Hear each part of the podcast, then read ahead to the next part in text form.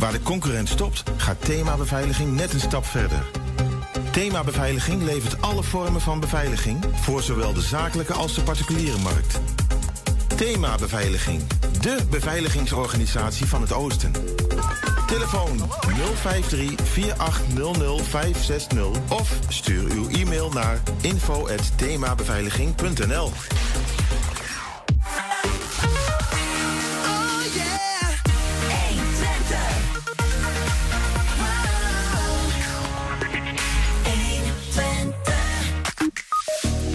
trots van Twente beklimt na jaren van misère andermaal de Europese podia. Minimaal twee keer gisteren werd het feestje gevierd bij de Golsvesten. Rolf Bleker beleeft vandaag dag 105 als burgemeester van Enschede. Als we goed hebben geteld tenminste. Een hernieuwde kennismaking na 12 jaar van afwezigheid. Ja, Vliegveld Twente evenementenlocatie mag voorlopig niet verder groeien. Maar krimpen hoeft ook niet. Directeur Marten Foppen is vooral blij met het laatste. Zij onze gast. Ik hoop dat ik dat een beetje behoorlijk uitspreek, eh, Julian. Uh, Enschede trekt met gratis taxiritjes en 5 euro coupons Bielevelders, of uh, ja, Bielevelders heten ze, naar die Twentse Hauptstad. Het is dinsdag 17 mei en dit is 120 vandaag. 120. 120 vandaag. Gisteren was het zover. De eerste raadsvergadering sinds de gemeenteraadsverkiezingen was uh, gisteravond een feit. Uh, zoals gebruikelijk blikken we terug op die vergadering. En dat doen we met uh, onze geliefde collega Wilco Lauwers. Wilco, jij was erbij. Dat klopt. De eerste. Een korte zit. Een kort, ja, dat was niet ja, lang, hè? Zeker, ja, voor Enschede begrippen. Uh, dat wil nog wel eens, als er één agendapunt op staat... wil het dan toch nog wel eens 11 uur worden. Omdat dan op zo'n moment al die raadsleden denken... oh, is, is maar één punt om te bespreken... Dan komen we zelf met een motie of met een voorstel. En dan wordt het uiteindelijk uh, Lang. Wordt het nog, uh, wordt het nog 11 uur. Maar ja, dit is een nieuwe gemeenteraad, hè, zoals je net al, al zei. Dus ze moeten nog allemaal een beetje wennen. Dat merk je ook. Ja, ja en dan uh, ja, kom, om meteen met moties te komen. Ja, de PVV deed het met de deelscooters. Komen we zo even op. voor de rest, ja, het was een klein uurtje. Dus het was, was snel voorbij. Ja, met... Ehm, het ging over één punt. Het kwijtscheldingsbeleid. Ja. En misschien, ja, misschien goed om eerst even naar naar een video uh, te kijken. Gaan we doen. Ik beloof dat ik getrouw zal zijn aan de grondwet, dat ik de wetten zal nakomen en dat ik mijn plicht als lid van het gemeentebestuur naar eer en geweten zal vervullen. Dat verklaar en beloof ik. Dat verklaar en beloof ik. Het is niet meer dan wenselijk om mensen die te goede trouw jarenlang of zelfs een decennium lang hun best hebben gedaan om naar vermogen hun schulden af te lossen, nu het restant ervan kwijt te schelden. En als we ook inzetten om het natraject van de schuldhulpverlening te verbeteren, dan kunnen we ook helpen voorkomen dat mensen opnieuw in de schulden belanden. Laten we ons er niet toe verleiden de focus te leggen op de eventuele rotte appels in de mand, want daarmee maak je al het gave fruit te schand. Tot zover.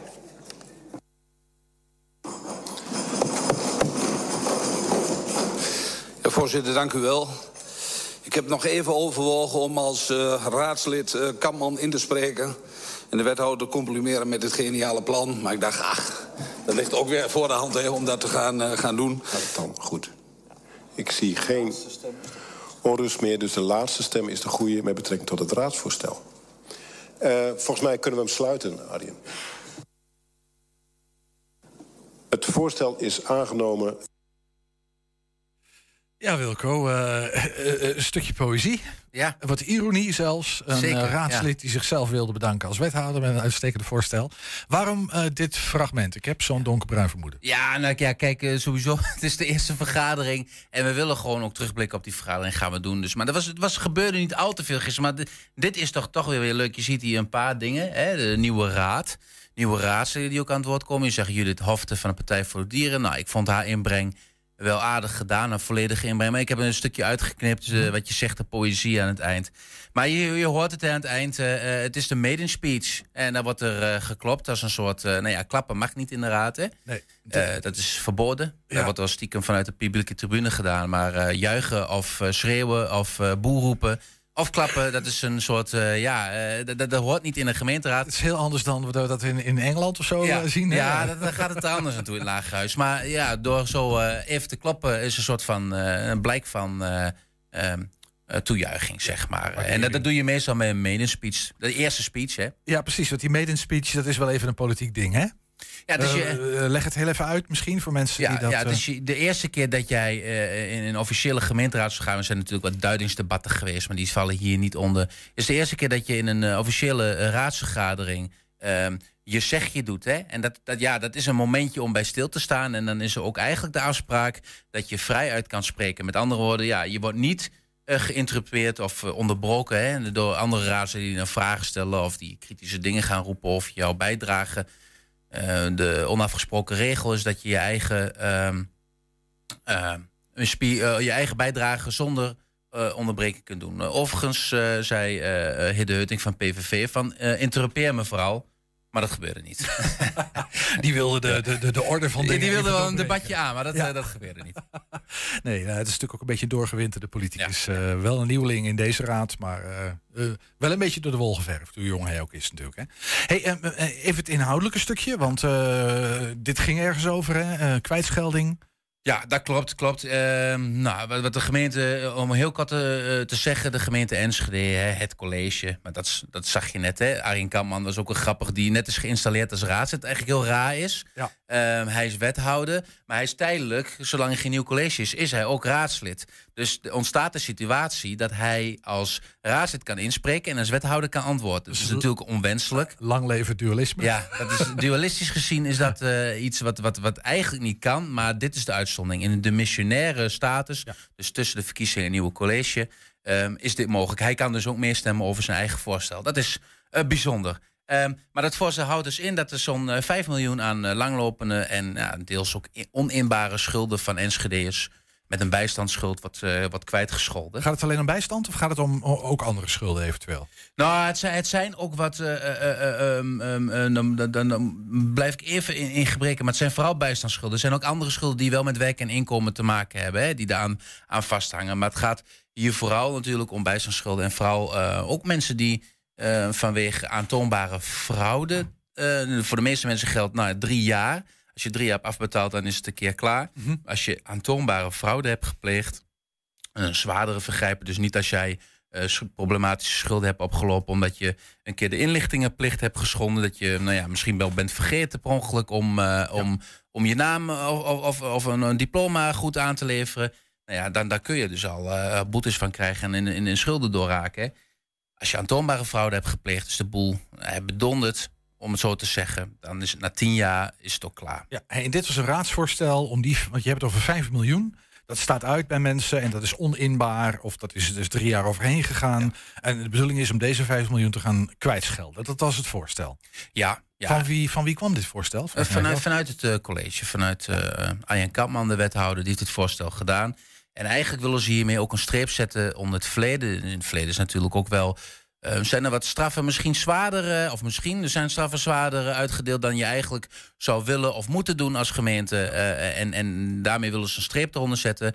En eigenlijk ook dat het niet meer voorkomt. Hè? Dus dat je alleen nog als je echt, echt fraude pleegt, dus bewust eh, de, boel omzeilt. ja, precies. Eh, dan, dan, eh, nou ja, goed, dan komt er na tien jaar daar ook dus wel een eind aan. Maar dan moet je dat afbetalen. Dus in En- die zin toch wel een beetje een markant moment. Ja. Hè? Een kantelpunt van het oude beleid dat heel streng was. Toch, eh, daar hebben we het heel veel over gehad. Ja. Naar een nieuw beleid waarin we daar wat menselijker, de menselijke maat, waarin we daar wat anders mee om willen gaan. Precies, precies. En daar mag je dan vanuit gaan. Hè? Want zoals Judith Hoft al aangaf, dat betekent wel dat je vanaf nu ehm, dat ook in de gaten moet houden. Dat je niet een soort heksenjacht gaat houden op mensen die nou, eens een keer een fout maken. Dat, hè, de- dat er een tweede kans is. Dus eigenlijk dat echte fraudeurs blijven we aanpakken. Ja. Maar mensen die een fout maken, die, eh, daar gaan we soepeler mee om. Ja, dat blijft natuurlijk subjectief, hè? maar goed. ehm, Ja, in zekere zin. Een rechter kan er altijd juridisch over Juridisch is dat natuurlijk. nogal lastig. Ja, fraude is, ja, als je de inlichtingenplicht schendt, dan word je al gauw onder fraudeur eh, gerekend. Dat is, ja. Inhoudelijk gaan we Ja. niet over hebben, maar eh, nee, precies. hey, maar er was nog een ander puntje, had je Ja. net al even over, hè? die deelscooters. Daar is ook wat gedoe mee. Hè? Die, dat zijn die, die, die scootertjes die, ehm, nou ja, die we door de hele stad zien crossen tegenwoordig. En er zijn steeds, ik geloof nu drie bedrijven die eh, met die scootertjes in de weer zijn. Ja, klopt. Ja, en daar heeft de PVV en de VVD samen hebben daar een, een motie over ingediend. Misschien even kijken naar ehm, hoe dat ging inderdaad. Deze bedrijven maken commercieel gebruik van de openbare grond. terraseigenaren betalen daar een belasting over. Precario-belasting. Weliswaar is de PVV een groot voorstander om de hele precario-belasting af te schaffen. Maar tot die tijd is het niet meer dan logisch dat de regels die nu gelden, gelden voor iedereen. De reclame die u bedoelt, dat gaat vooral uh, de stickers op de scooters en op de fietsen. Um, nou rijden er in heel Enschede een heleboel bedrijfsauto's uh, rond. Zo weet ik, uh, dat Breijaard, Vloeren en zo, dat soort dingen. Um, gaan wij nou alle bedrijfsbusjes en alle bedrijfsauto's die rondrijden... met een tekst daarop ook van precario-belasting voorzien? Of zegt u van, nee, die laten we buiten schot? Ja, um, dus het is nu gewoon eigenlijk de vraag... Uh, wil je kijken in hoeverre er mogelijkheden zijn... om het gebruik van de openbare ruimte om die te belasten. Op zich vind ik dat een reële vraag om dat te doen. En daar moet je niet bij zeggen door precario-belasting in te voeren... maar er zijn meerdere mogelijkheden natuurlijk. Je zou zelfs kunnen gaan uh, denken aan het invoeren van uh, parkeertarieven voor, uh, voor scooters... Hè? Dus wat mij betreft kan ik namens het college positief reageren op deze motie. Zit er wel een worsteling bij mij, want ergens is die, kun je ook zeggen, overbodig. Dus ik zoek ook even naar wat zijn de nieuwe mores in deze raad. Um, maar nou, op zich wat de PVV vraagt... Uh, en ik gun ze ook een eerste en enige aangenomen motie deze raadsperiode. is dat verder geen bezwaar om dat te doen. Dank u wel. Nou, voorzitter, dan heeft uh, meneer Van Hout nog geen kennis gemaakt... met, met de nieuwe PVV-fractie, zeg ik tegen u. ja, ook mooi gepareerd. Een sneer van wethouder Jurgen van Hout. Eventjes ja. zo'n... Ja. Nou ja, met, met een glimlach. Hè. Dus een sneer is misschien te zwaar gezegd. Maar met nou ja, de, van de PVV die ging ook al wel los op Twitter van... Uh, dit is dus de nieuwe bestuurscultuur. Hè. Dat, dat, is maar... Ja, het is een... Uh, maar Jurgen van Hout doet dit wel vaker hoor. Hij is... Vrij filijn in zijn teksten, in zijn bijdrages door uh, iemand die uh, grote bezwaren ergens tegenmaakt... Uh, dan in zijn speech bijvoorbeeld te zeggen van... nou, ik ben blij dat u dit aan de kaak stelt en dat u hier aandacht voor heeft. En terwijl iemand gewoon eigenlijk gewoon heel veel kritiek heeft. Hoezo aandacht vragen voor iets, ja. Ehm, hij is, hij is wel, wel goed in om dit soort ja. filijne opmerkingen Dat heeft hij natuurlijk ook wel een beetje geleerd in de afgelopen jaren. Maar heel even kort naar de inhoud, Wilco. Want het idee is dat die scooters staan op de openbare weg... Ja. Um, en die staan misschien wel in de weg en daar moeten we misschien belasting voor, uh, voor heffen. Of ja, iets eigenlijk wil de, de Raad van die overlast af. Dat hebben ze vorig, vorig jaar al een keer in een voorstel, uh, in de mobiliteitsvisie zoals dat heet, hebben ze dat uh, al vastgelegd van nou, er moet beleid komen voor scooters. En dan moet je denken bijvoorbeeld aan hubs. Dat zijn van die verzamelplekken waar alleen maar deelscooters en deelfietsers mogen staan. En verder nergens want je wil ze niet midden op de stoep hebben dat iemand met een rollator of een rolstoel er niet langs kan, om maar wat te noemen. Of uh, zoals je in de stad ziet op bepaalde plekken, dat het stikt van die scooters overal. Dat is een overlastdingetje.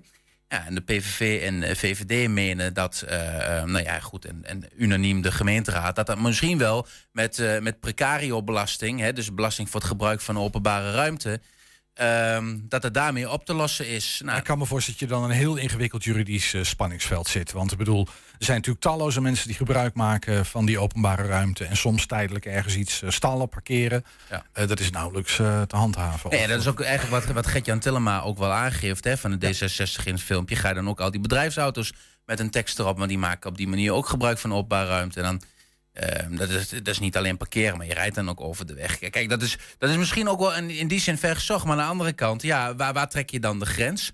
Um, en lost het, zoals Mark Turtelink ook vroeg in de vergadering... lost het dan ook echt de overlast op? Ja. Uh, want uh, je kunt dan wel precario-belasting... waarschijnlijk worden de tarieven voor het huren van de scooter... dan gewoon hoger voor, voor de inwoners. Staan ze er nog? Maar ze staan er alsnog. Ja. Hey, en misschien nog even tot slot uh, van dit puntje. Ik moest inderdaad even denken. In, in zekere zin lost het ook een, een, een, pro, een mobiliteitsprobleem op. Hè? Want de gemeente wil uh, die binnenstad, het stadserf, zoveel mogelijk autovrij. Dus je moet andere vormen van vervoer, van, van, van vervoer verzinnen voor Ja. mensen. Om toch ergens makkelijk te kunnen komen. Ja. Nou ja, deze scooterbedrijfjes die voorzien in dat opzicht natuurlijk ook in een behoefte. Uh, Absoluut. 1 op de 10 Enschede'ers uh, uh, blijkt, hoorde ik gisteren van de wethouder, maakt al, heeft afgelopen jaar gebruik gemaakt van, van zo'n deelscooter. Ja. Maar ja, daar kom je weer bij het volgende punt. De binnenstad, ja, juist de, het stadserf, de binnenstad, is verboden terrein voor scooters. Ook voor uh, elektrische scooters. Ja, dus tot het stadserf kun je rijden. Daarna moet je gewoon lopen. Ja. Of met de fiets. Oké, okay, nou ja, wordt, uh, wordt vervolgd. We gaan wel zien hoe dit verder gaat aflopen. Misschien nog even, dit was ook de eerste officiële raadsvergadering van uh, de, de, nieuwe burgemeester Roelof Bleker. Zeker. Zometeen komt hij nog even weer langs. Hoe deed hij het, vond je? Ja, vrij losjes, hè? vrij makkelijk. Was leuk. Uh, nog een keer een, een grap ertussendoor. Uh, maar ja, ik ben wel benieuwd um, hoe dat straks verder gaat. Hè? Dus het is de eerste vergadering.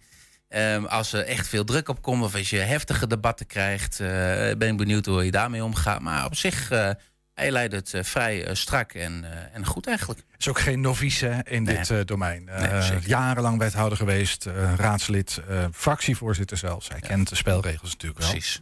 Oké, nou, uh, benieuwd. En inderdaad, ja, het is, het is de eerste keer. Ja, ja. Geen medespeech voor hem?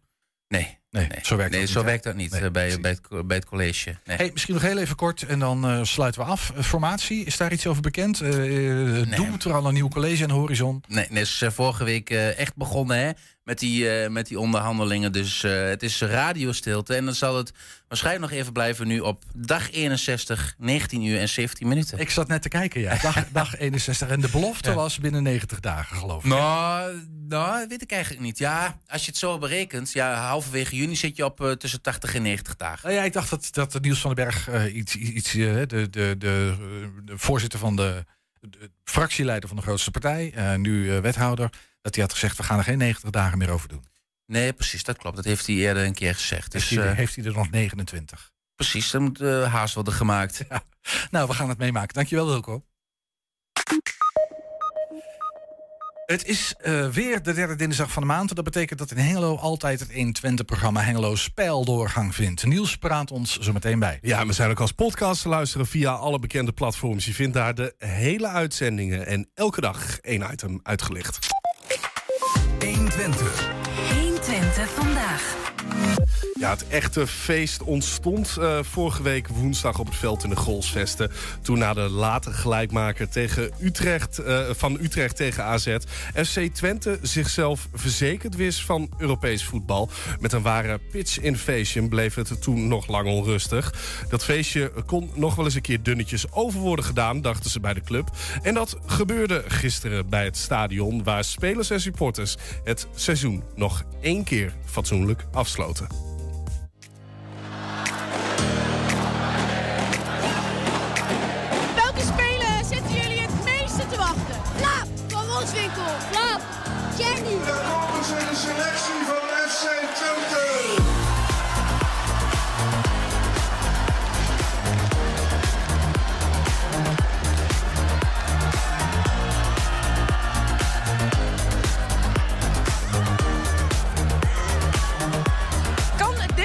Feestje, het feestje van vorige week woensdag, nog wel overtreffen? Ik mag het hopen. En hoe ga jij daar zelf voor zorgen dat dat gaat lukken? Nee, ik ga een beetje rustig gaan. Ik, uh, nee. Zometeen gaan we met z'n allen springen!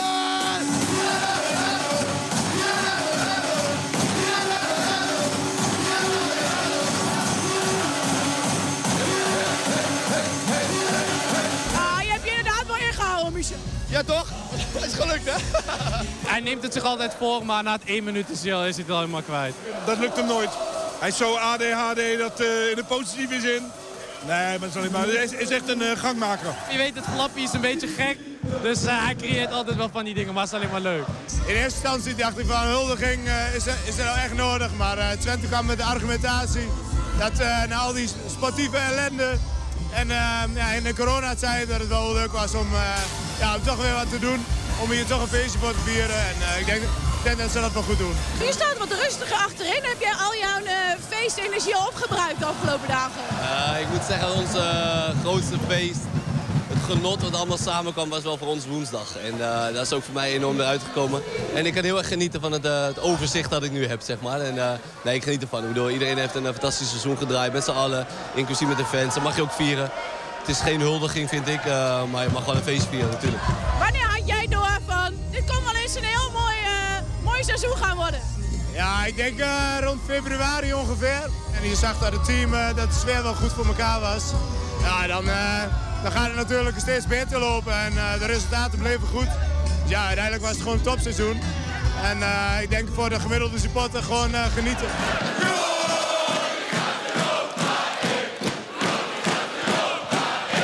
Ik ben al heel trots op mezelf dat ik een verzoeknummer heb geweigerd. Ik ben al 63 jaar bezig om te worden herinnerd als trainer. En tot nu toe gaat het alleen maar om het Ron Jansje dansje. Dus jullie kunnen de pot op. Ik doe het niet. Ik doe het niet.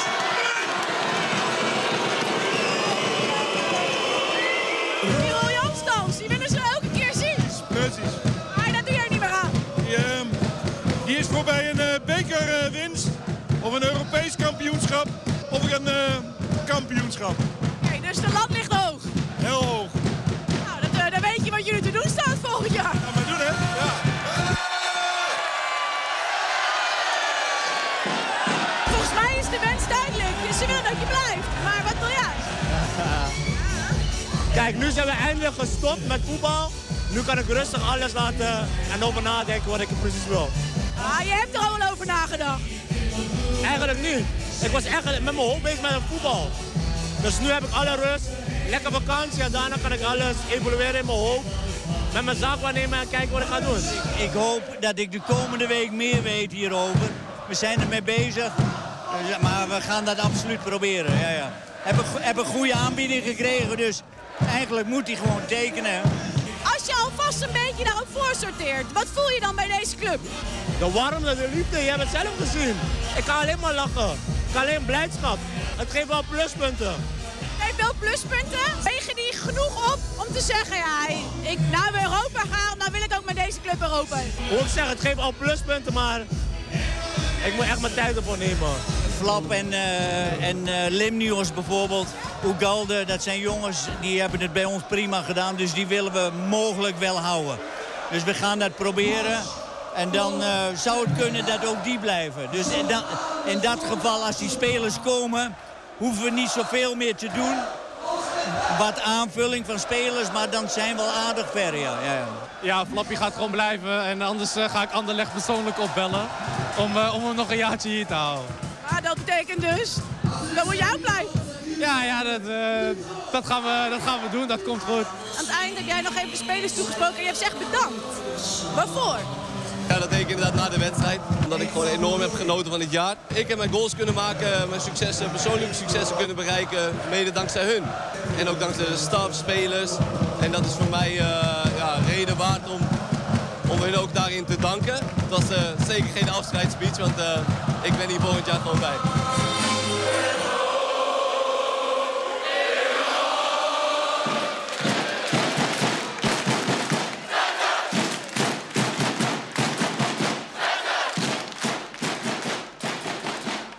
Ja, het is bijna jammer om doorheen te praten. Maar dat was dus de huldiging van gisteravond van SC. Twente. Wat een feest. Zometeen in gesprek met Roelof Bleker... die de eerste 100 dagen als burgervader van Enschede erop heeft zitten. 120. 120 vandaag. Het is weer de derde dinsdag van de maand. Het is altijd zoiets derde dinsdag van september, denk ik altijd aan. Hè? Dat betekent dat in Hengelo het 120-programma Hengelo Spel eh, doorgang vindt. Strakjes. Wat er allemaal in het programma zit, kunnen we het beste vragen aan onze eigen Niels Veurink. Eh, Als het goed is, is hij aan de lijn. Hoi Niels. Ah, Daar jongens. heb je hem. Hi. Zekers. Vanuit is- Hengelo. Ja, begrijp ik joh. Hoe is het in Hengelo? Goed.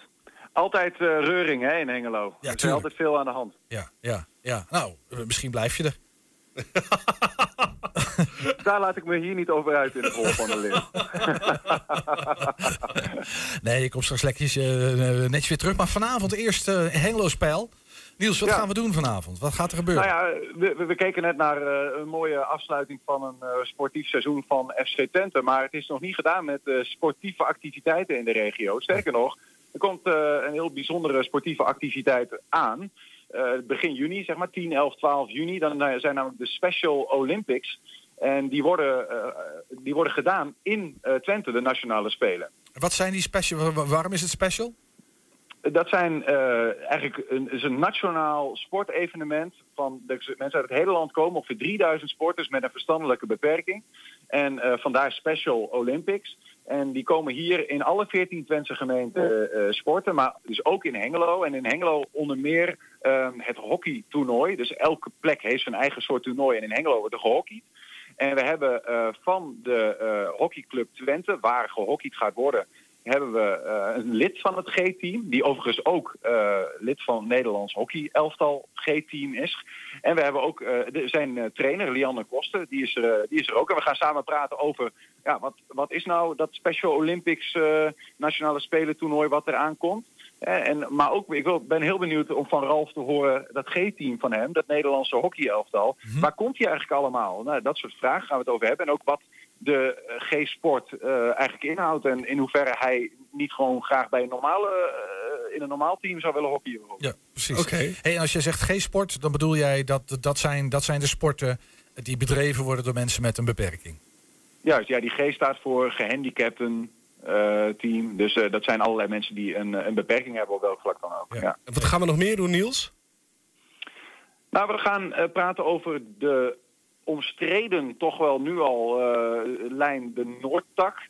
Hè, er wordt onderzocht of eh, de Betuwe-lijn, dat is een goederenspoorlijn, of die eventueel een vertakking kan krijgen die eigenlijk dwars door Twente gaat.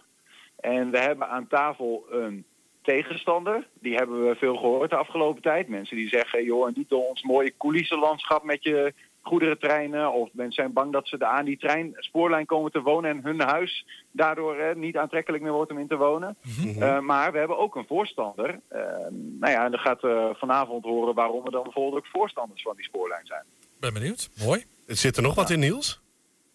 Zeker, zeker. De show is bommetje vol. Eh, we hebben de nieuwe stadsdichter van Hengelo. Die is al vanaf november stadsdichter. Maar eh, dat heeft wel even geduurd. Want vorig jaar zomer trad al Hetty Franke af.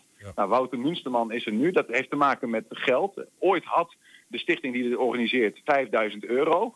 Nu hebben ze nog maar 750 euro. En ook dat, eh, hoeveel ze dan hadden, liet lang op zich wachten. Maar goed, ik ben heel benieuwd hoe komt dat nou, hè, dat het zo lang op zich heeft laten wachten. En wat voor een gevolg heeft het dat het geld nu zo weinig is. Er is wel een nieuwe stadsdichter, die schuift ook aan. Die moet daar allemaal niet zoveel van hebben, kan ik alvast verklappen. Van het gepraat over geld. Die gaat gewoon praten over wat hij graag wil gaan doen. Over poëzie zoals het hoort. Schijnt een leuke vent te zijn, Niels, dus dat is mooi. Hij gaat er nog een Robertje dichten, neem ik aan, toch? Zeker, ja. Hij gaat verschillende gedichten voordragen. En ik heb ook begrepen, zo wel leuk om te zeggen, dat hij heeft zich de afgelopen tijd bekwaamd in zogenaamd puntdichten. Hij, dat, gaat, dat houdt in dat hij een soort van improvisatiegedicht gaat voordragen aan het einde over wat hij in de uitzending heeft gehoord. Oké, Oké, interessant. Een soort Nico Dijkshoorn, maar dan poëtischer waarschijnlijk. Hey, en eh, dat was een Niels, bommetje vol. ehm, of heb je Ja, nog meer? ja en we hebben nog, een- nou, we hebben nog een, een reportage over eh, een onderdeel van de Art Brut Biennale. Die is natuurlijk afgelopen weekend geopend en is al tot en met zondag open in het oude VND-pand hier in Hengelo. Hele grote tentoonstelling van mensen die of een verstandelijke beperking hebben of een psychische moeilijkheid. Eh, maar iets verderop in de Brink wordt er ook een bijzonder tapijt, of eigenlijk een replica van het tapijt van Bayeux getoond. Daar hadden we onlangs al Roel Kok in 120 vandaag over in de uitzending. Nou, we zijn bij hem langs geweest om dat tapijt ook die replica te laten zien. Ehm, en daar laten we beelden van zien. eh, Gaaf, dat is een waanzinnig, waanzinnig object. hey, mooi Ja. Niels. eh, en jij presenteert het samen met... Met Henk, hè? Ja, met ons, Henk ten Harkel, eh, hè. ons, ons aller Henk ten Harkel. Ik zag hem al vluchten voor de uitzending. Van onze, van onze omroep, maar vanavond ook eh, co-host bij eh, Hengelo Spel. Eh, mensen kunnen erbij zijn, hè? dus ga, kom gewoon lekker op bezoek. Waar moeten ze dan zijn? zeven- van, vanaf kwart voor zeven kun je eh, de bibliotheek van Hengelo in. En eh, nou ja, als je daar inloopt, dan kan niet missen. Linksaf, dan zie je onze studio en dan kun je gewoon lekker aanschuiven en live meekijken. Hartstikke leuk. En de Quante Costa? Ja, dan moet je bij mij even langs voor 10 euro. Eigenlijk is het gratis. maar, eh, Kijk eens aan. nee, en uh, mocht je daar nou niet live langs kunnen komen, dan kun je gewoon kijken. Natuurlijk. We maken een televisieprogramma. We zenden live uit op YouTube, eh, kanaal van 120 Hengelo en op onze website. ehm, vanaf 7 uur. Dus kom lekker kijken. Vanavond in de openbare bibliotheek in Hengelo. Tussen 7 en 8. Hengelo Spijl. Dankjewel Niels. Graag gedaan. Succes nog. Dank je. Ja, straks de evenementenlocatie van de vliegveld Twente mag van de Raad van State voorlopig niet groeien. Niet vanwege dassen, oehoe of braamsluipen. Met die dieren zit het vervolgens het eh, hoogste bestuursrechten wel goed. Maar vanwege stikstofuitstoot. Directeur Marten Foppen schuift zo aan. 120. 120 De zogenaamd beslissende eerste 100 dagen. Er zijn dikke boeken en talloze managementprogramma's over geschreven. Voor wat die waar zijn. Um, Roelof Bleker heeft ze erop zitten als nieuwe burgemeester van Enschede. Hij heeft de stad na 12 buiten Twentse jaren opnieuw leren kennen.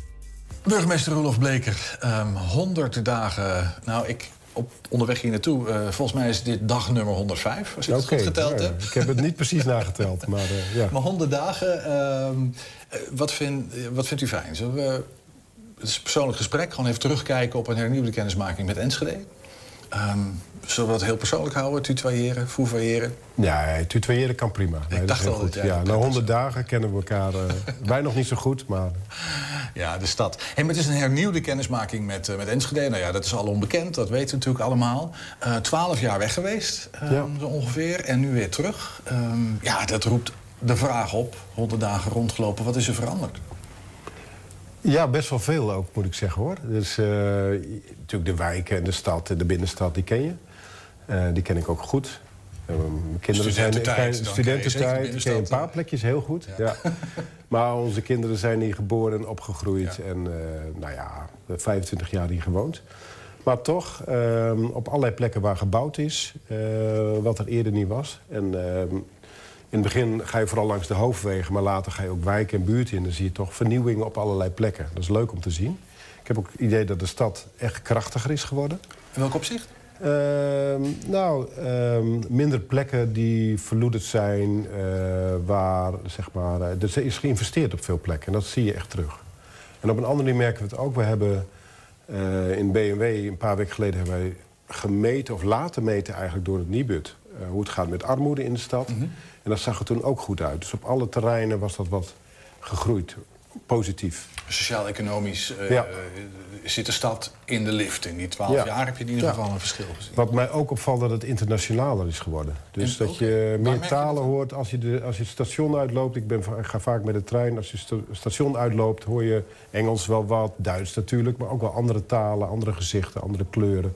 Dat vind ik ook wel mooi om te zien. Is dat eh, de, de invloed van de UT, zeg maar, die toch wat eh, nou, ook gegroeid is in die periode? Ehm, veel- sowieso internationalisering van. Dat denk ik wel. Het zijn, vaak jong, het zijn vaak jonge mensen die ik zie. Eh, ook wel dat je denkt van, goh, die zullen vast ergens werken. Maar wat ik ook hoorde, dat bijvoorbeeld de bedrijven op het kenningspark... een heleboel bedrijven, daar is de voertaal inmiddels Eng- Engels geworden. Eh, vaak technische, technologische bedrijven. Werken ook samen soms, hè, via schermpjes over de hele wereld. Dus eh, ja, ik denk dat, dat die internationalisering is ook echt doorgegaan. ja. Hey, nu hebben we het over de fysieke stad hè, en wat je, wat je aantreft als je door de stad heen loopt. Ehm, en hoe zit het als het gaat om zeg maar, nou ja, de cultuur? En dan heb ik het misschien nog het gevoel dat de stad misschien ook wel op de bestuurlijke laag. Ehm, Twente, nou, misschien, ik weet niet hoe breed je het wilt trekken, maar je bent Ja, wethouder geweest, nou, dus je kende dat heel goed. Ja, wat, ik, wat mij bestuurlijk opvalt, en dat vind ik heel positief... is dat de, ehm, in de tijd dat ik wethouder was, dus tussen 2000 en 2010... en ook daarvoor, zaten er soms wel spanning op de relaties in Twente. Bijvoorbeeld rondom eh, Enschede, Hengelo, eh, de dubbelstad, de toen, dubbelstad ja, waar ze zich precies, tegen verzetten. Twente-stad wat niet doorgegaan is. Toch altijd een beetje, Hengelo die kijkt een beetje argwanend naar die grote, grote broer... Ehm, en dat, dat is helemaal over. Dus ik, volgens mij in de vorige periode, persoonlijke verhoudingen zijn goed. Die spanning is er grotendeels af. En er zal heus wel wat eh, rivaliteit zijn tussen Heracles en of FC Twente misschien. Maar bestuurlijk zijn die verhoudingen eigenlijk goed. En dat is fijn, want dan kun je samen bouwen. Dan, eh, dan ja, ben je wat minder om elkaar heen aan het draaien. Ja, je hebt ze allemaal ontmoet inmiddels, kan ik me voorstellen, in de regio. Ja, ik heb eh, heel veel kennismaking achter de rug... maar waaronder met alle burgemeesters in de regio eh, heb ik kennis gemaakt. Ja. En? Ja, dat, dat, nou ja, dat vind ik dus echt positief. En we hebben ook een nieuwe structuur met het Twente Board... samenwerking tussen kennisinstellingen, bedrijfsleven en, en de gemeente. Eh, en dat moeten we wel nog verder uitbouwen en steviger maken. Ook om, om de lobby goed te hebben richting eh, eh, Brussel en of Den Haag. Dus er valt nog een wereld te winnen, maar die basis en die onderlinge verstandhouding... daar ben ik heel blij mee. Ja. Zitten daar eh, punten waarvan je zegt, ja, je gaf al aan, hè, we moeten voortbouwen op die eh, nou ja, vernieuwde samenwerking. Je noemde de Twentebord. Dat triggert me een klein beetje, want er, zijn ook, er is ook wel wat, ehm, ja, ik weet niet of je het kritiek wil noemen, maar eh, alsof de invloed van Enschede dan in dat hele spel wat minder is geworden in die afgelopen periode. Ja, dat durf ik niet te zeggen. Ik, ik heb natuurlijk nog wel de oude regio meegemaakt. Maar ik kan me voorstellen dat daar ook kritiek op was. Heel veel zeg maar, bestuurlijke overleggen. Een heel ingewikkelde organisatie. Eh, ik denk dat die Twenteboard wel slagkracht heeft op die economische agenda. En dat het soms even zoeken is, maar ook wel echt een meerwaarde is... als je samen met bedrijfsleven en eh, kennisinstellingen optrekt. Ehm, waar, waar we wel voor moeten zorgen is dat ook alle gemeenten zich daarop aangetakt voelen. Er wordt nu een nieuwe agenda gemaakt voor de komende jaren. Ja, want de verschillen zijn best groot. Hè? Ik bedoel, Enschede als grootste stad van Overijssel. En dan heb je natuurlijk hele kleine plekjes met heel veel kleine dorpen. Ik bedoel, het, is een heel divers landschap wat dat ja, betreft. dat klopt. Maar tegelijkertijd zeg- zeggen ze ook wel... ja, de, eh, die mensen die werken in Almelo, die wonen in Hellendoorn... en die eh, kinderen gaan naar school daar. Hè. Dus de, de, de grenzen die tussen die gemeenten lopen... zijn niet de grenzen van onze inwoners die weer ergens anders werken. Eh, dus ja, en die misschien hier komen winkelen... en in Hengelo naar de Schouwburg gaan... Ehm, ja, Twente, en dat is ook wat het mooie van Twente, is echt een, een, eh, ook een culturele eenheid. Ik heb in andere regio's ook gewerkt Ja, vanuit die opgegroeid, eh, Enschede, je Ja, maar in het en- rivierenland gewerkt. En of je nou bijvoorbeeld rondom de Drechtsteden of Gelderland-Zuid of zo... de- heel vaak zijn dat geen regio's. Of is dat een bestuurlijk construct? Of op het ene onderwerp is dat een regio... en het andere onderwerp weer een andere samenstelling. Hier is toch heel vaak die Twentse schaal... Ehm, eh, en soms dat er eentje niet meedoet dan dit of dat. Maar over het algemeen is het een hele logische samenwerkingsschaal. Het is ook de regio waar we het meeste samen organiseren. Ik denk dat dat... Wij weten natuurlijk intern welke gedoe we hebben. Maar van buiten wordt dat echt als kracht gezien en als een sterke regio daar. Ja, het hele gesprek met Roelof Bleker van ongeveer een half uur staat vanavond online. En te vinden op onze website en op het YouTube-kanaal 120 Enschede. Oeh, niet die. Heb je een tip voor de redactie? Mail het dan ook via info.120.nl. 120. 120 vandaag. Ja, goed nieuws en slecht nieuws voor Vliegveld Twente evenementenlocatie en natuur- en belangenorganisaties. De Raad van State bepaalde dat activiteiten op het terrein niet hoeven te worden stopgezet uit oogpunt van beschermde dieren. Maar een uitbreiding van het aantal grootschalige evenementen mag ook niet. En dat heeft te maken met het stikstofbeleid. Altijd een beetje ingewikkeld. Nou, hoe zit dat? Eh, directeur Maarten Foppen van VTE, Vliegveld Twente evenementenlocaties, afgekort VTE, zit bij ons aan tafel. Welkom Marten, leuk dat je er bent. Ehm, de uitbreiding van evenementen staat voorlopig stil. Hè, dus je mag niet meer doen dan je al deed. En laat ik eerst zeggen dat we heel blij zijn met de uitspraak van de Raad van State. Nou, dat was mijn vervolgvraag. Ja, jullie, ja. jullie kijken toch heel tevreden terug. En dan denk Ab- ik, je, mag niet wat je wil en toch ben je blij. Leg dat Nee, eens uit. en het gaat eigenlijk niet om een uitbreiding. Hè. Het gaat om een herbestemming van een militair luchthaventerrein. Mhm. Voor die herbestemming is een bestemmingsplan geschreven, om het even heel eh, simpel te houden. En dat bestemmingsplan eh, is eigenlijk een alomvattend plan. Nou, eh, iedereen weet in Nederland dat stikstof een heikel punt is. De, de wetgeving verandert ongeveer per, eh, per minuut. Op dit moment is eigenlijk nog niet echt duidelijk hoe de stikstofregels nou, eh, nou werken in Nederland. En daarvoor hebben wij eh, bij de Raad van State voorlopige voorziening een alternatief plan neergelegd. En eh, de voorzieningenrechter heeft gezegd: perfect plan, één op één overgenomen, ga je gang. En dat alternatieve plan, dat behelst eigenlijk wat je, je, wilde gewoon graag doen, wat je, wat, je, wat je voornemens was te doen. Nou ja, je moet je voorstellen dat wij zijn ondertussen zeven jaar bezig op de locatie. hè. We doen natuurlijk eh, prachtige projecten die zorgen voor de aantrekkingskracht van de regio. Anna van Hendrik, ondertussen wel bekend, maar ook een Dino Park of een Twente Light. Allemaal mooie producties waar Van Heijnen en mensen naar ons toegekomen zijn. En dan, ehm, als dan op het spel staat, theoretisch gezien, helemaal stoppen. Dan zul je begrijpen dat, eh, dat wij natuurlijk gaan zeggen... ja, wacht even, we zijn zeven jaar bezig, we gaan natuurlijk nooit meer stoppen. Nee, maar daar heeft de rechter je ook gelijk in gegeven. Hè. Bovendien, corona zat daartussen natuurlijk, dus er kon ook een hele hoop niet. Eh, je moet ook niet aan denken dat het niet door zou gaan. Dan val je gewoon om, denk ik. Dan red je het niet. Dus je, kon, je kan doen wat je, wat je van plan was te doen. Maar goed, het, het is ook wel zo dat het bestemmingsplan omhelst de 500.000 bezoekers. Hè. Zou een half miljoen, is een hoop. Daarvan heeft de rechter gezegd, nou dat voorlopig niet. Dus, eh, dus het blijft ongeveer bij die 140.000 die, die, die je al had. Eh, Even naar de feiten toe. hè. Mhm. Eh, Zo'n bestemmingsplan was- bevat eigenlijk een, een aantal plannen. Het bestemmingsplan aan zich. Een, een natuurvergunning, Mhm. een omgevingsvergunning milieu. In dit geval ook nog een verkeersbesluit onder een coördinatieregeling. Dus alle vergunningen in één keer. En daarvan heeft de rechter gezegd, al die vergunningen blijven overeind. Mhm. En je mag niet voor die maximale 500.000, maar wel voor die, even vrij vertaald, die 150.000... kun je in ieder geval je, je gang gaan. Eh, los nog van het feit dat we ook op, eh, op hangar 11 nog een separate onherroepelijke vergunning hebben. Waarbij we ook nog eh, bepaalde dingen kunnen doen. Ja. Dus, dus tevreden. Maar ben jij nou super blij? Of, of, of ik hoor alleen maar blijdschap in je woorden, Nou, zeg kijk, maar. Ik, ik ben kan- vooral, vooral heel trots. Hè. We zijn natuurlijk al, al, al jaren in gevecht. En bij elke procedure krijgen we op alle punten gelijk. En stikstof is geen punt van onze, ik zeg het maar even heel negatief, onze tegenstanders. Stikstof is een punt van de landelijke overheid. Daar moeten we gewoon met z'n allen op zoek naar de juiste knoppen. Van zo gaan we het doen. En in 2018 waren we klaar. Toen kwam in 2019 de pasuitspraak. Nou, we mochten allemaal opnieuw naar de tekentafel. Hebben we gedaan. We stelden eind vorig jaar ons bestemmingsplan met alle andere natuurvergunningen, milieuvergunningen erbij, stelden we vast. En vervolgens kwam er twee weken na onze vaststelling kwam er een uitspraak van de Raad van State. Niet zo heftig als in 2018 of 2019 van joh, alles met stikstof moet opnieuw. Maar ik wil nog even erover nadenken. Provincies, denk er nou eens over na. Hoe gaan we dit doen? Dat is eigenlijk de status van dit moment. Nou, ondertussen hebben we een stikstofminister. En daarmee komt, en dat noem ik altijd ook in mijn, uh, in mijn krantenberichtjes, uh, het stikstofdebakel van Nederland. Uh, daarmee zitten we in de lijn van de verbreding van de snelweg, woningbouw, het realiseren van Vliegveld Twente evenementlocatie. Um, die regels moeten duidelijk worden. Ja. En als je dan per saldo kijkt waar het om gaat, gaat het om een hele, hele marginale stikstofuitstoot aan onze kant. Dus dat betreft heb ik ook volste vertrouwen in dat wij op korte termijn, komende jaar, komende twee jaar, uh, tot een onherroepelijk uh, 500.000 bestemmingsplan komen. Dus als ik hem kort vertaal, dan is dat om, omdat het gedoe rond stikstof en hoe we dat nou precies met elkaar moeten gaan doen, dat is niet helder. Daarom heeft de rechter nu gezegd, even pas op de plaats, eerst die regels helder en dan kunnen we verder. Ja, dat is één. En dat, de rechter heeft gelukkig nog veel meer gezegd. Hè, want het is natuurlijk wel Raad van State, hoogste, ja. hoogste recht, rechtshof in Nederland. En die heeft ook gezegd op alle andere punten geven we Vlieg van Twente evenementlocatie gelijk. Ja. Want ze doen goed onderzoek. Ze hebben een gewogen plan. Ze kijken goed naar natuur, ecologie, flora, fauna. Alles in juiste balans. Dus uh, aan alle kanten klopt alles. Ja, dus die dassen en die oehoes en uh, de braamsluipers hoeven zich geen zorgen te maken. Kneuien, graspiepers, noem het allemaal maar op. Vleermuizen. Wat ja, het is gewoon super. Het is prachtig dat dat in Twente gebeurt. Hè? Dat we, zijn, we zijn er, hebben, dat is toch fantastisch. We zijn, kijk, we zijn er heel trots op. We zijn een ongelooflijk groene locatie. Dat er bij ons uh, dassen huisvesten, uh, oehoes rondvliegen, buizens aanwezig zijn. En je ziet dus gewoon aantoonbaar door onafhankelijke onderzoekbureaus...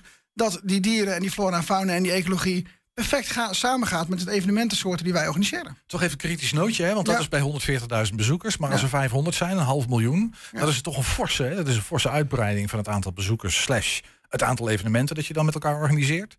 Eh, gaat hoe, hoe daar niet van schrikken, denk je? Nee, nee, zeker niet. Want ook dan, hè, we doen dus jaren rond onderzoek. Hè, dus alles wordt. eh, wo- wo- er zit ook, zit ook een onderverdeling in. In, in eh, tijden, dus in broedseizoenen en of, of eh, gevoelige periodes. Dat doen we geen evenementen. dus alles is, hè, het hele bestemmingsplan is een, is een maatpak geschreven op ons exploitatiemodel. Maar vooral ook op de waardes van ecologie, flora en fauna. Ja. Kijk, en dan die, die, die landelijke stikstofdiscussie wil ik nog wel een ding over zeggen. Dus er spelen nog heel veel dingen in Nederland. Je, je, die regels moeten duidelijk worden. Eh, er is nog, daar wordt het een beetje technisch van, er is nog een pot. Dat is dan onder de crisis- en herstelwet een prioritair project, want dat is Vliegveld Twente evenementlocatie. Er zit nog een pot, zweeft ergens in de lucht. Daar zit nog een recht, een tegoed in van ons, wat eh, ongeveer 300% is van het eh, stikstofruimte die ik nodig heb. Nou, iedereen weet, Heel even, dat is een, dat is een pot met, met, eh, met een even heel eh, Ja. een soort hoeveelheid stikstof die je zou mogen uitstoten. ja, En daar zit nog 300 procent, daar zit je ruim en ruim en ruim want je kunt je Dat dus ook voorstellen, als je dan even helemaal teruggaat, eh er vlogen bij ons eh, F-16's. Ja, dat, dat, er zaten verhaal. 1200, 1300 mensen gelegerd. Hè, als je daar een op zou laten. Nou, toen hebben wij op project afwijkingsbesluit hadden we er toen twee. Eentje was project afwijkingsbesluit Hangar 11. Onherroepelijk kunnen we nog steeds gebruiken. En project afwijkingsbesluit De Strip. Daar konden we ook dingen mee doen. Nou, de is- strippen zijn die evenementenlocatie, hè? Zeg ik Nee, het is plat. NN. Het is allebei Ja, de evenementlocatie. oké. Dus echt, de, de oude taxibaan. En dat noemen wij de strip. Mhm. eh, daar. Nou, en eh, daar zat ook een project afwijkingsbesluit op. Dat is toen in de, met de pas geschrapt. Daar hadden we wel rechten. Ja. Die rechten zijn afgerond naar beneden in een prioritaire pot gekomen. In een stikstofpot gekomen, om het even heel simpel te houden. En eh, daarvan is ook nu gezegd dat ergens de komende nou, 0 tot 24 maanden, 1 tot 2 jaar, moeten we ook daar, daar ook duidelijkheid over komen. Ja, nou, oké. eh, zo zijn er nog. Nou ja, kan ik on- uren over doorpraten. Nee, talloze mogelijkheden dat oplossen. Nee, nee, dat moet ook niet willen. Maar Nee, maar eh, en- en misschien om het even heel simpel te houden, eh, loop je nog enig risico dat, dat de rem die er nu even op zit, dat die rem aangetrokken blijft? Of gaat die er gewoon wel af? Nou ja, alles hangt samen met tijd. Hè. Dat hangt in dit geval eigenlijk heel eenvoudig samen met tijd in Den Haag. Hoe lang, hoeveel tijd heeft Den Haag nodig om de regels eh, concreet en duidelijk te maken? En hoeveel implementatietijd zit Weet daar jij, dan aan? weet jij, dat betekent, als ik jou zo hoor, dan betekent dat, je nu, dat jij nu ook niet iets kunt doen om ervoor te zorgen dat, eh, dat, je, dat je over een half jaar of over een jaar verder. Het is echt wachten op wat Den Haag gaat Nou, doen. nou, dan heb ik jullie heel hoog zitten. Maar als ik daar wat mee kan doen, dan was ik nu daar en niet bij jullie. Ja, eh, nou, dat, is maar net, dat moet je maar leuk vinden hoor. Ja, met ja, nou, geloven, geloven, Ja, geloven. Kan je geloven. beter bij ons aan tafel zitten hoor, Ah, dat ik. is misschien waar, maar daar was ik toch daarvoor gegaan. Als het gaat dan toch even voor. Ja, dus wachten op Den Haag eh, en dan de vervolgstappen. Daar Ja, komt en vooral, vooral doorgaan op de ingeslagen weg. Blijven monitoren, prachtige evenementen neerzetten. En eh, ja, over een paar weken uh, prachtig bouwen Nederland openen en Hanna van Hendrik openen. Ja, ja want uh, nou, laten we daar even naartoe gaan. Dat is een mooi bruggetje. Hanna van Hendrik begin juni um, start dat. Hè. Dat hangt ook een beetje samen met het vertrek van de huidige noodopvang. Bijna klaar. Um, en dan gaat Hanne van Hendrik van start, hè? Ja, we doen deze Wat staat er nog meer op de, op nou, de rol? We doen deze zomer, nou, uh, morgen en donderdag de, de Erik, de veiligheidsbeurs, grote veiligheidsbeurs. Maar deze zomer doen we eigenlijk twee prachtige projecten. Bouwen Nederland, hè, bouwen aan de toekomst. Dus we doen met uh, Bouwen Nederland een prachtig project, een soort pop-up attractiepark. Met een mooie theatershow op de strip. En uh, vanaf 6 juli uh, gaan we live met Hanna van Hendrik. De eerste voorstelling is al uitverkocht. Dus wees er snel bij, koop je kaartjes. Ja, ik, ik ben erbij. We hebben vorig jaar een kaartjes gekocht. Heel goed, dan ja, gaan we elkaar zeker zien. Ja, zeker. Hey, um, um, dus deze zomer, nou ja, de agenda vol, mag ik dat ongeveer zeggen? Die, die, geen idee, hè? Beetje, misschien is het super speculatief hoor. Maar stel dat je niet zou kunnen groeien, dat dat toch de uitkomst zal zijn. Want de spelregels weten we niet. Kan van alles uitkomen. Heb je dan een probleem? Nou, wij geloven niet in problemen. We geloven altijd in denken in oplossingen. Daarom heb ik ook dit. Maar hebben, hebben wij... Ik wel ontzettende management op. Nee, ja, nee, maar het is, geen, het is geen geconditioneerd antwoord. Het is echt een drijfveer van, van het familiebedrijf waarvoor ik werk. We, we geloven gewoon in continuïteit en lange termijn. Ja. We geloven niet in kort, kort, snel, simpel. We geloven in lange termijn. En als je aan zo'n project begint, dan heb je lange adem nodig. Nou, die hebben we. We hebben net twee jaar corona overleefd. We weten nu dat we alles wat we doen, veelvuldig door de, de rechters en hoge rechters nu, de uh, Raad van State getoetst. Alles wat wij doen, cum laude uit het boekje is. Hè? Telkens de voldoening en de goedkeur volstaat van de rechters. En dan is het alleen nog even kijken hoe de nieuwe regels zich gaan vormgeven. Op basis daarvan passen we ons plan aan als nodig. Ja. En uh, gaan we tot oneindigheid door. Ja, snap ik. Misschien toch heel even die uh, asielzoekers, want uh, de, de, de noodopvang verdwijnt. Um, zijn jullie het afbouwen al eigenlijk? Hoe zit dat ermee? We zijn, we zijn nog niet aan het afbouwen. Ik heb volgende week een overleg met COA om daarover te gaan praten. We hebben wel achter de schermen dat alles klaarstaan. We hadden gisteren staatssecretaris op bezoek. Het is natuurlijk een heel andere, andere thematiek. Uh, maar goed, uh, asielzoekers in Nederland, daar kunnen we ook nog eens een keer uh, lang over doorpraten. Daar, daar, zullen we ook wat mee moeten als Nederland zijn. Ja, blij en trots dat je het gedaan hebt? absoluut. Ik zou zeggen, we waren net zo kritisch als de gemiddelde Nederlander toen we eraan begonnen. Serieus? Absoluut. Want ja, iedereen heeft misschien wel een vooroordeel. We hebben er heel stevig naar gekeken. Uh, ik weet nog een, een, een, zaterdagmiddag dat ik met de eigenaar zat te praten en keek ik eraan. We gaan ervoor, we gaan iets moois neerzetten, we gaan het goed doen. We gaan het zien als een evenement en daardoor ook uh, zorgen dat het binnen de, de mogelijkheden optimaal is. En eigenlijk zie je nu met alle communicatie die we gedaan hebben, gesprekken met de Norbers die we gedaan hebben, dat de meest kritische Norbers ondertussen ambassadeur zijn geworden en ja, trots zijn op hetgene wat we hebben neergezet. Dus we hebben een aantal Norbers als ambassadeur. En Marten Foppen zelf als ambassadeur, begrijp ik. Is, is, is het denkbaar dat dat herhaald gaat worden? Of dat er misschien iets permanents zelf zou komen? Nou, of, uh... niet, op, niet op onze locatie, niet op onze evenementlocatie. Nee, echt ondenkbaar, want wij, moeten door. En uh, ja, de, de, vraag of en zo ja, wat kan in Enschede, die uh, moet je bij de vorige interview bij, bij Roelof neerleggen, niet bij mij. ik snapte, ik begrijp ja. dat je dat zegt. Dat is natuurlijk ook zo. hey, Marten Foppen, volgens mij helder. Um, ik ben benieuwd wat de toekomst gaat brengen wat dat betreft voor de evenementlocatie Twente. Het, het, het is ook wel een weg, hè? Alles bij elkaar. Een zoektocht. Van hoe gaan we dit doen? Een vliegveld ombouwen naar een evenementenlocatie waar dassen en oes en dat soort. Maar ook Norbers geen last van hebben. En dat ook ja. nog aantrekkelijk is voor de regio. Dat is een. je bent wel ergens aan begonnen. Ja, nou zeker. Ik, ik zag zo'n mooi, mooi lijntje trekken. Ik zag net uh, de feestvierende FC Twente supporters. Ik denk dat het uh, topsport is. Uh, dat het misschien wel Champions League voetbal is. Op het allerhoogste niveau. Uh, maar we zouden niet anders willen. Nee, nou leuk. Fijn dat je er plezier aan hebt. Het, is, het lijkt me ontzettend belangrijk. Marten Foppen was dat, uh, directeur van uh, Vliegveld Twente Evenementenlocatie, TVE. Dankjewel. Graag gedaan, dankjewel. 120. 120 vandaag. Enschede Promotie is gekomen met een nieuwe stadscampagne. Ditmaal niet gericht naar het westen, maar naar onze oosterburen. Um, Enschede sei unser Gast. Dat moet een nieuwe slogan worden. En daar moet flink gewerkt worden met Enschedeze... In ieder geval de, om die Enschedeze binnenstad uh, aantrekkelijk te maken voor mensen. Ja, ik zit even hier naar die tekst te kijken, dat komt ja. niet uit hoor. Um, maar Enschede moet een boost krijgen. Mensen van heinde en verre, van west naar oost, moeten hier naartoe. Nou, aan de lijn hebben we Petra Kamping van Enschede Promotie. Petra, ja, hoor je mij? Ja, ik hoor je. Uh, fijn. Fijn dat je aan de lijn bent. Hey, ik, het, het, een tijdje geleden zat ik in de auto en hoorde ik ineens Radio 1 spotjes. Um, en he, dat mensen toch vooral naar Enschede moesten komen. Um, nu zijn de pijlen gericht op uh, Bielefeld. Dat ligt nog voorbij Münster. Um, ja. Dat is ongeveer de inwoners van Apeldoorn, Almere... deze kant uit proberen te krijgen. En dan naar het westen en naar het oosten. Dat is ontzettend ja. ambitieus. Um, ja, maar ja, Enschede is natuurlijk een mooie stad. En uh, ja, wij werken al jarenlang zeg maar, uh, in Duitsland. En ehm, het is gebleken dat Duitsers ook wel bereid om eh, zeg maar, eh, iets verder te rijden eh, dan Nederlanders. Dus anderhalf uur reistijd is voor een Duitser niet echt ehm, ja, onoverkomelijk, zeg maar. Die doen dat graag voor een dagje uit. Snap ik. Maar nou ligt Bielefeld, eh, ik heb net even gekeken, op 1 uur en drie kwartier. Dat is nog ver- verder weg, hè? Eh, dan, Eh, eh, ja, dan die klopt, anderhalf ja. uur. Ligt net iets verder. Ja, Ehm, geografisch gezien richten we ons zeg maar tot twee uur rijden. Ja. En er zit dan Münster nog tussen. Ik bedoel, dat is een prachtige stad. Met een Ja. kathedraal, een stadhuis, het Westvaals Museum, Picasso Museum. eh, en, en dan zouden mensen die stad overslaan en doorrijden naar Enschede. Hey, Ehm, dat is niet gezegd. We hopen het natuurlijk wel. Eh, wat namelijk blijkt is dat eh, Duitsers, zeg maar als ze in Nederland zijn, dat ze gelijk het idee hebben dat ze op vakantie zijn. Dus dat is natuurlijk wel een, een pre ten opzichte van een andere Duitse stad. ja, dat is waar. Dat is bij ons natuurlijk net zo. Hè. Als je de grens overgaat, Ja. voel je al meteen dat je ergens anders bent. Klopt, ja. Hey, en maar de- ik, het- nou, ik, weet je, ik stel die vraag een beetje echt niet om, klein, om, om daar wat eh, kleinerend over te doen. Maar tegelijkertijd denk ik, het is wel heel ambitieus.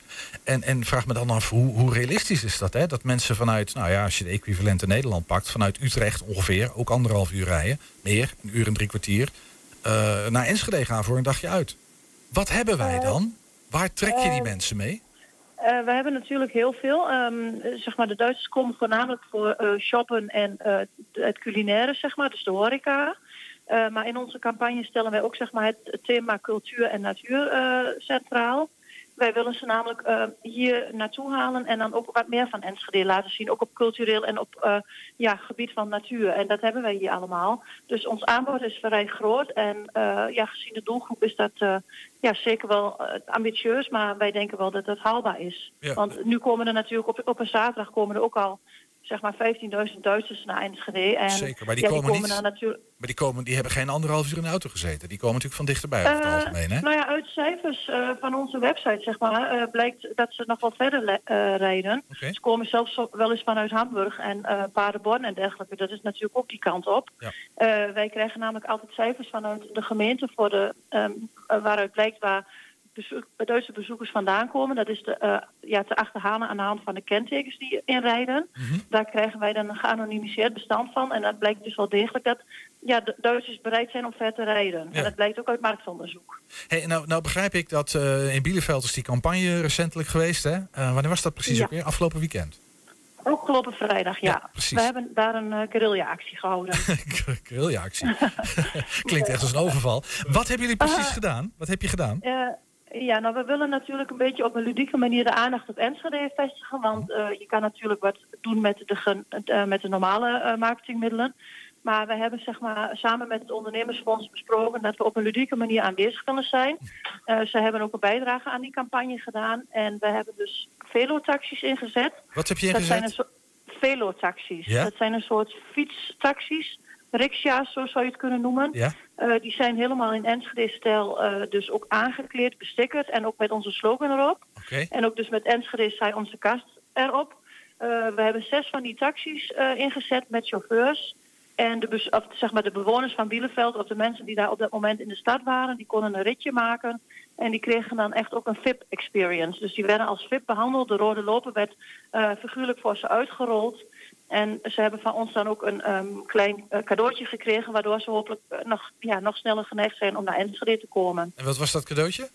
Eh, ze hebben een Enschede cadeaukaart gekregen van 5 euro... en die kunnen ze dus de komende maanden in Enschede besteden. En besteden in horeca, kledingwinkels. Is het de hele horeca, de, de hele ondernemers, alle ondernemers doen mee overal te besteden?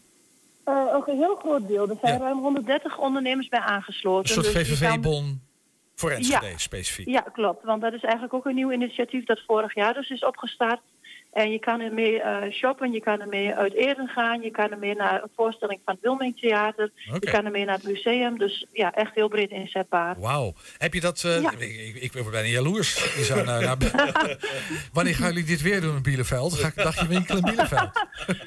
nou, we willen natuurlijk wel vernieuwd blijven. Dus dit is, dit is vooralsnog het enige wat er op eh, stapel staat. Maar het kan natuurlijk zijn dat we zoiets dergelijks ook nog een keer elders gaan uitrollen. Snap ik. Kondig het even aan van tevoren als je wil. Dan Ja, dat lijkt me heel goed. Wat, maar e- e- heel even terug naar Bielefeld. Want wat, wat, wat waren de ervaringen? Eh, zes van die, van, die, van die taxis ingezet.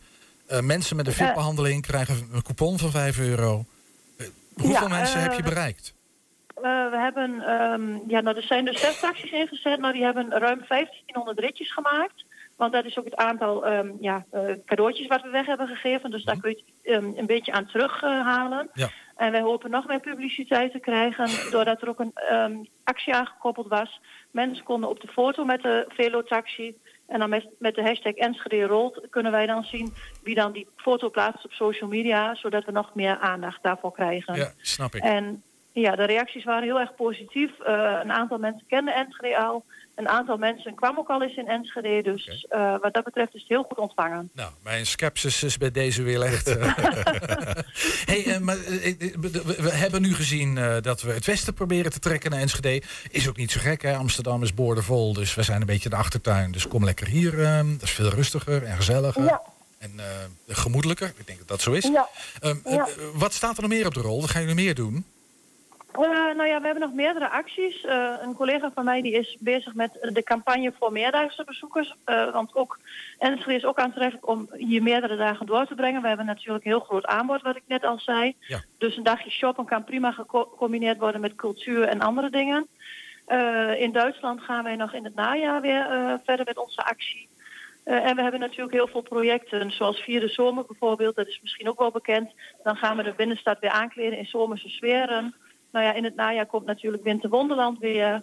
En ik weet niet of jullie onze evenementenkalender al hebben gezien. Die staat weer boordevol met evenementen eh, die we de komende maanden weer gaan eh, ondersteunen, uitrollen. Nee, dat is helder. Ik snap dat er hier genoeg te doen is.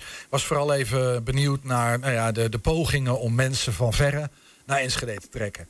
Ehm, Ja. En ik hoor jou nog niks concreets. Het is niet zo dat je zegt, we hebben een bepaalde stad nog eh, getarget om daar ook Ehm, acties te gaan organiseren. Nee, nee, dat niet. Want weet je, dat eh, zijn natuurlijk ook best wel wat kosten aan verbonden. En omdat het ondernemersfonds dit keer heeft gezegd, we gaan eh, daar een bijdrage voor doen, konden wij dat in deze campagne doen. Ja, dus voorlopig hoeven we nog niet bang te zijn dat die bussen Japanners eh, eh, twee uur op de Oude Markt een foto laten schieten bij de Oude Kerk en dan weer door. Ehm, nog niet, nog niet. Nee, nee, we richten ons nu nog op, op de Duitsers, daar blijven we ons op richten. En natuurlijk de, ja, de bezoekers uit Nederland, uit de regio. En ook verder weg uit het westen. Ik zal wat Groningers uitnodigen. Ehm, dat is een idee. Groningers, Dat het, het het, het schijnt Groningers hier best te bevallen hoor. Dat, Dus- Oh, ja? de- ja, de- uit de eerste hand durf ik dat te vertellen. Ja, ja. Oh, ja. Julian komt ik uit er Groningen. graag meer over. Ja, Julian komt uit Groningen. Die wil je heel graag bijpraten. Maar je bent, van, ha- je, ik, je bent van harte welkom, dat weet je. Er is van alles te doen, dus ja, het echt een absolute must-do. Ja, hey, hartstikke goed. Ehm, eh, de, de, de- Petra Camping was dat, van Enschede Promotie. Uh, dankjewel, veel succes. Nou, misschien toch, die vraag schoot me net te binnen. Ehm, eh, de- is er nou iets zichtbaar over... Is, is- ja, we hebben natuurlijk corona achter de rug. Maar eh, kun je iets zeggen over een, een groei in toeristen naar Enschede? Valt daar iets zinnigs over te zeggen of eigenlijk nog niet?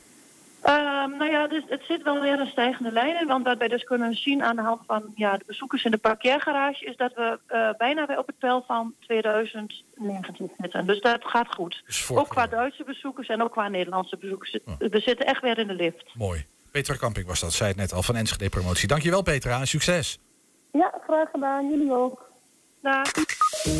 En daarmee sluiten wij 120 vandaag af. Terugkijken, dat kan direct via 120.nl. En vanavond om 8 en 10 op televisie te zien. Zometeen kun je hier in ieder geval gaan genieten van Henk Ketting met zijn kettingreactie. Veel plezier en tot morgen. 120. Weet wat er speelt in Twente. Met nu nieuws van 5 uur. Goedemiddag, ik ben Mark Bergt. Oekraïne heeft de vredesonderhandelingen met Rusland gestopt. Volgens Oekraïne hebben de Russen nog maar één optie in de oorlog: zich terugtrekken. Alleen hebben ze dat zelf nog niet door. In plaats